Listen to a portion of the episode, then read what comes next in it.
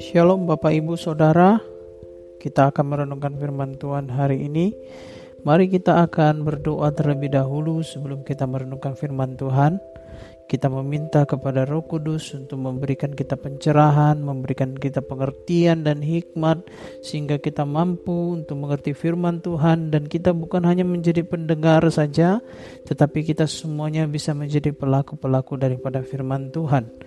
Mari Bapak Ibu Saudara kita berdoa.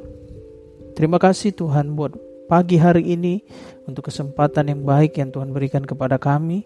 Kami mau merenungkan firman-Mu, belajar dari kebenaran firman-Mu untuk supaya kami bisa hidup berkenan di hadapan-Mu ya Tuhan sesuai dengan kebenaran firman-Mu.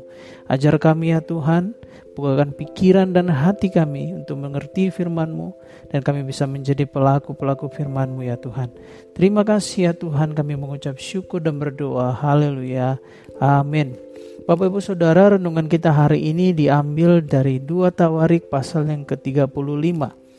Bapak Ibu Saudara, tindakan-tindakan pembaharuan yang dilakukan oleh Yosia itu berlanjut sampai di dalam pasal yang ke-35 ini Bapak Ibu Saudara.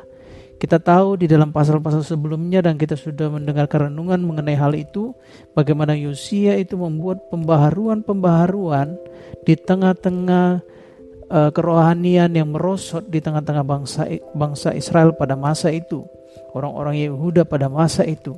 Saya akan membaca ayat pertama sampai ayat yang kedua. Firman Tuhan berkata, kemudian Yosia merayakan Paskah bagi Tuhan di Yerusalem. Domba Paskah disembeli pada tanggal 14 bulan yang pertama. Ayat yang kedua, ia menetapkan tugas para imam dan mendorong mereka menunaikan tugas jabatannya dalam rumah Tuhan, Bapak Ibu Saudara. Nah, Bapak Ibu Saudara, nanti Bapak Ibu Saudara bisa membaca sendiri di dalam pasal yang ke-35 ini ayat 1 sampai 19. Ini merupakan catatan mengenai perayaan Paskah yang sudah lama sekali tidak dilakukan di tengah-tengah umat Tuhan. Kemudian akhirnya melalui Yosia, pertama sekali Paskah ini kemudian dilakukan kembali Bapak Ibu Saudara. Apa yang dilakukan oleh Yosia untuk merayakan Paskah ini? Apa yang kemudian diperintahkan supaya pasca ini bisa berjalan, bisa berlangsung. Yang pertama adalah dia memerintahkan agar orang-orang Lewi itu kembali melayani Tuhan di rumah Tuhan.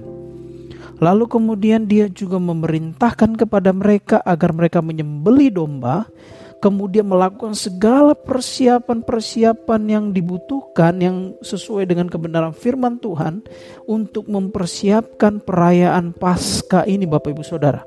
Lalu kemudian dia juga bukan hanya sekedar memerintahkan tetapi dia menunjukkan teladan kepada mereka.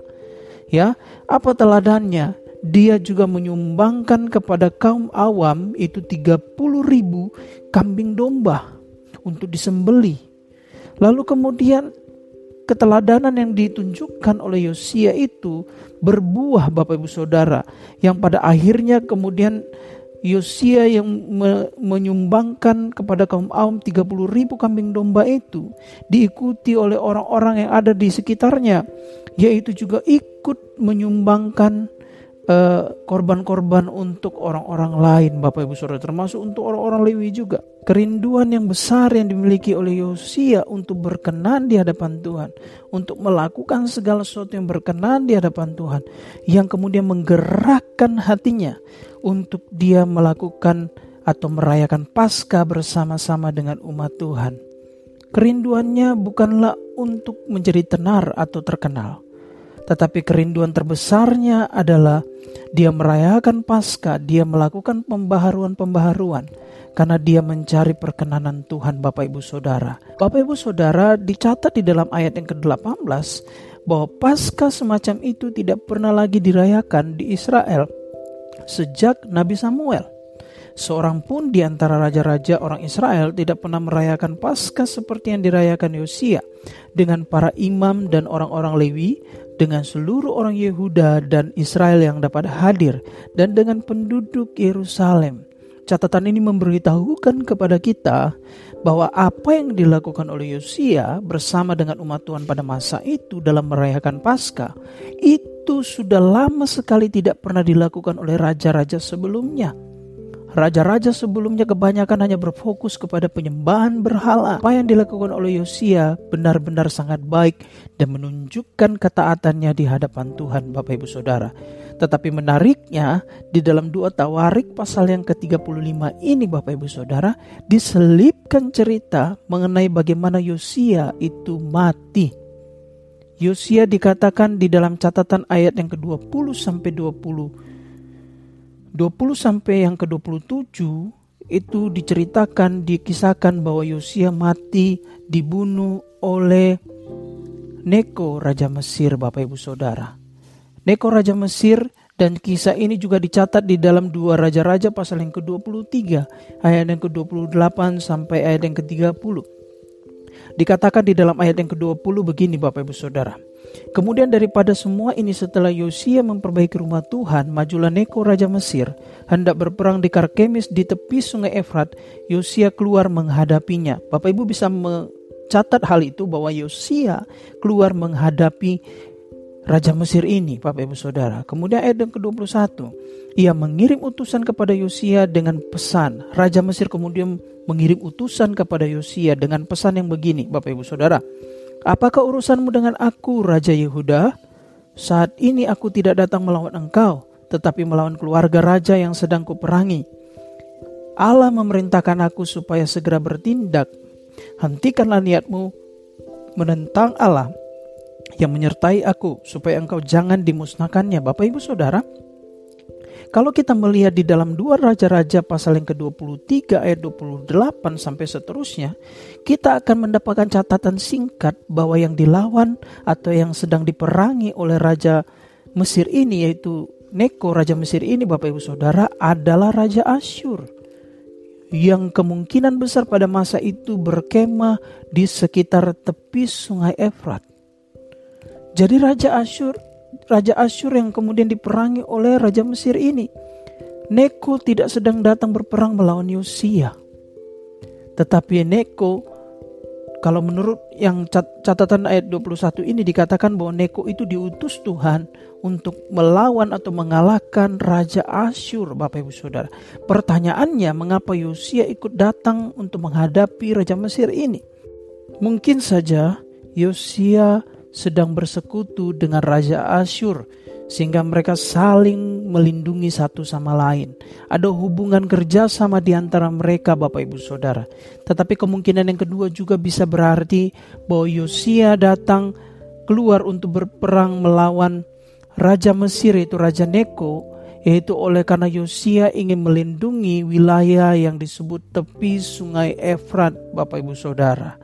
Tetapi apa pun kemungkinannya yang menjadi pertanyaannya mengapa Tuhan membiarkan Yosia yang taat ini yang telah melakukan banyak pembaharuan dan kebangunan rohani atas Israel, atas Yehuda, itu kemudian mati di tangan seorang raja Mesir, Bapak Ibu Saudara.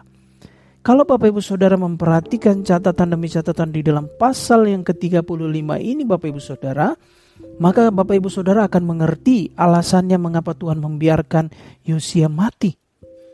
Di dalam ayat yang ke-21, utusan daripada Raja Mesir ini datang kepada Yosia dengan pesan, "Apakah urusanmu dengan aku Raja Yehuda?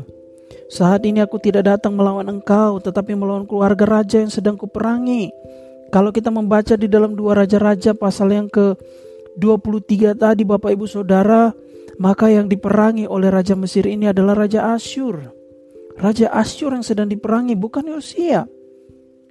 Apa alasan daripada Raja Mesir ini datang untuk berperang melawan Raja Asyur?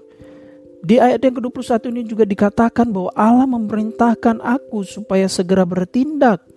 Jadi Raja Mesir yang berperang melawan Raja Asyur itu disebabkan oleh karena perintah Allah. Allah lah yang menyuruh Raja Mesir untuk datang berperang melawan Raja Asyur ini Bapak Ibu Saudara.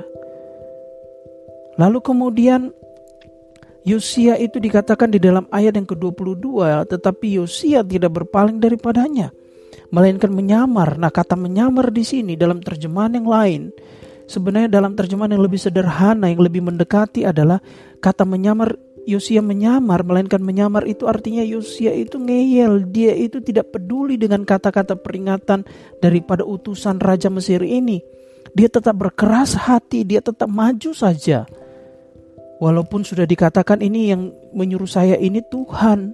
Tuhan yang menyuruh saya untuk melawan Raja Asyur. Jadi kamu jangan jangan maju melawan saya karena kamu sedang menentang Tuhan. Yosia tidak mempedulikan perkataan itu. Kemudian ayat ke-23, maka pemana-pemana menembaki Raja Yosia. Tuhan membiarkan Yosia ditembaki oleh pemana-pemana. Yosia yang taat ini kemudian berubah menjadi tidak taat Bapak Ibu Saudara. Dia sudah melakukan banyak pembaharuan tetapi dia menjadi tidak taat lagi. Akhirnya kemudian di dalam ayat-ayat selanjutnya di, dijelaskan di sini bahwa Yosia kemudian mati dan orang-orang Yehuda itu kemudian berkabung karena kematian Yosia. Kematian Yosia ini sungguh menarik sekali Bapak Ibu Saudara dalam pasal ini. Dia baru saja melakukan pembaruan-pembaruan. Salah satunya adalah merayakan Paskah yang tidak pernah dilakukan selama ini. Tetapi kemudian dia mati di tangan Raja Mesir. Oleh karena dia tidak mendengarkan peringatan daripada Raja Mesir ini. Dan hal ini membuktikan bahwa perkataan Raja Mesir ini benar.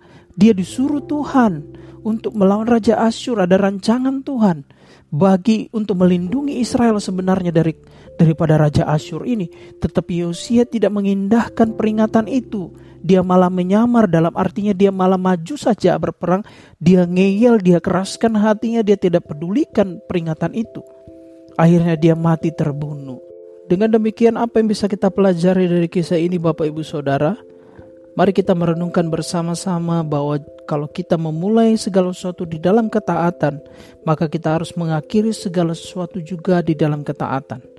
Kita tidak boleh berpuas diri kalau pekerjaan yang kita lakukan, segala sesuatu yang kita lakukan itu sesuai dengan yang kita rencanakan. Kita tidak boleh berpuas diri waktu kita sebagai seorang yang melayani Tuhan.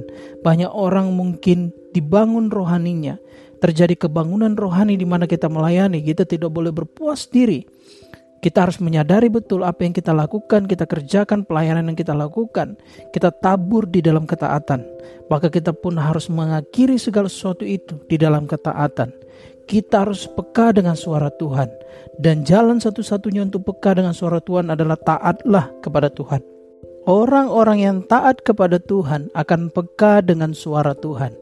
Dari mana pun dan siapa pun yang dipakai Tuhan, maka dia akan peka dengan suara Tuhan Bapak Ibu Saudara. Yosia mengakhiri dengan tidak baik. Dia mati oleh karena dia tidak taat. Seperti yang dikatakan di dalam ayat yang ke-21 tadi. Bahwa di mana ia menyamar di dalam terjemahan lain sebenarnya adalah dia ngeyel.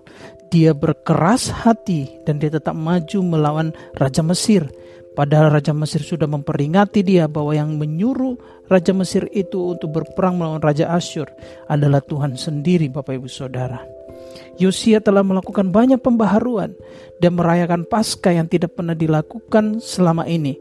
Tetapi kemudian Yosia menjadi tidak taat oleh karena mungkin dia bersekutu dengan Raja Asyur atau oleh karena ada kepentingan pribadi atau mungkin oleh karena dia tidak suka Raja Mesir datang untuk menyerang wilayahnya. Tetapi apa pun itu, Tuhan telah memakai Raja Mesir untuk mengingatkan dia, tetapi dia tidak mau mendengar hal itu. Jadilah taat Bapak Ibu Saudara, orang yang taat akan peka dengan suara Tuhan.